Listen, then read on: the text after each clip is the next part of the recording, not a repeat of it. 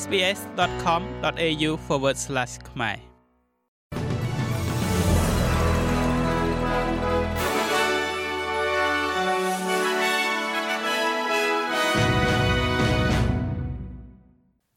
ចាសសូមស្វាគមន៍មកកាន់នេតិព័ត៌មានខ្លីៗរបស់ SBS ខ្មែរសម្រាប់ថ្ងៃប្រហ័សទី13ខែកក្កដាឆ្នាំ2023 ក្រុមមន្ត្រីនៅក្នុងសហរដ្ឋអាមេរិកបាននិយាយថាពួក hackers ដែលមានដំណរភ្ជាប់ទៅកាន់រដ្ឋចិនបានចូលប្រើគណនីអ៊ីមែលដោយសម្ងាត់នៅអង្គការចំនួន25រួមទាំងទីភ្នាក់ងាររដ្ឋាភិបាលសហរដ្ឋអាមេរិកយ៉ាងហោចណាស់ចំនួន2ផងដែរប៉ុន្តែទីប្រឹក្សាសន្តិសុខជាតិលោក Jake Sullivan មានប្រសាសន៍ថាសហរដ្ឋអាមេរិកបានរកឃើញការរំលោភលើគណនីរដ្ឋាភិបាលសហព័ន្ធនេះហើយបានគ្រប់គ្រងដើម្បីបង្ការកុំឲ្យមានការរំលោភបំពានបន្ថែមទៀត។ អ្នកនាំពាក្យលោក Matthew Miller មានប្រសាសន៍ថាក្រសួងការបរទេសគឺជាភ្នាក់ងារមួយក្នុងចំណោមភ្នាក់ងារដែលសវត្ថភាព Cloud Base របស់ Microsoft ត្រូវបានទម្លុះចូលហើយពួកគេបានធ្វើសកម្មភាពយ៉ាងឆាប់រហ័សដើម្បីកំណត់ការខូចខាតនៅក្នុងរដ្ឋ Victoria វិញ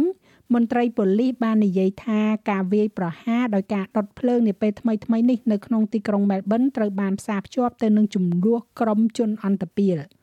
កងកម្លាំងបង្ក្រាបអគិភ័យនិងគ្រឿងផ្ទុះរបស់ប៉ូលីសរដ្ឋ Victoria បានពង្រីកការស៊ើបអង្កេតរបស់ខ្លួនដើម្បីរួមបញ្ចូលកងកម្លាំងការងារចំនួន2មានការវាយប្រហារចំនួន11លើកនៅក្នុងរយៈពេល3សប្តាហ៍កន្លងមកនេះហើយដែលធ្វើឲ្យមានការព្រួយបារម្ភអំពីសុវត្ថិភាពសហគមន៍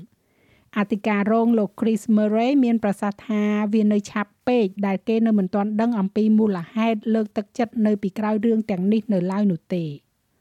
ដំណឹងមួយទៀតនោះគឺជាការលេងលះគ្នារបស់កំពូលមហាសេដ្ឋីអូស្ត្រាលី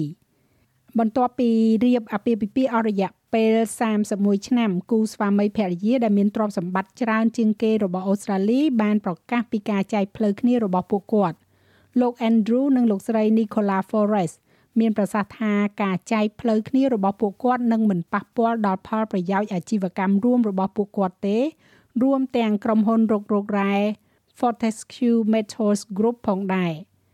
អតីតគូស្វាមីភរិយាមួយគូនេះបានចេញនៅសេចក្តីថ្លែងការណ៍រួមគ្នាមួយដោយនិយាយថាពួកគាត់បានសម្រេចចិត្តចែកផ្លូវគ្នាបន្ទាប់ពីរួមរស់នៅជាមួយគ្នាអស់រយៈពេល31ឆ្នាំ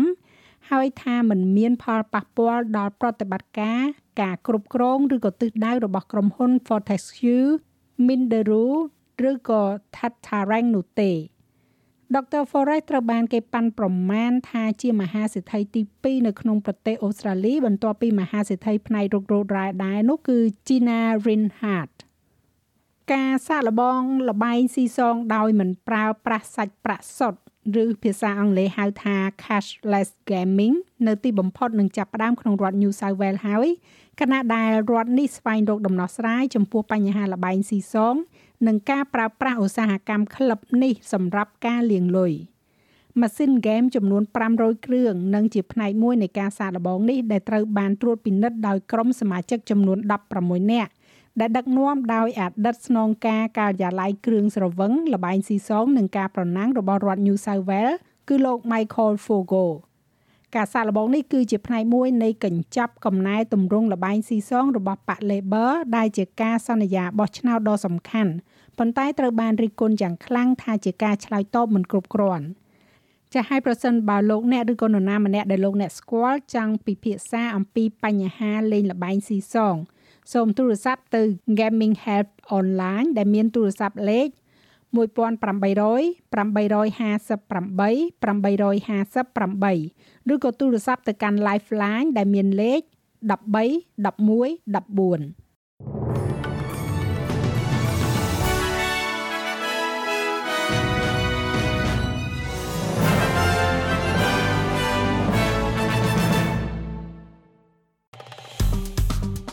ចុច like share comment និង follow SPS ខ្មែរនៅលើ Facebook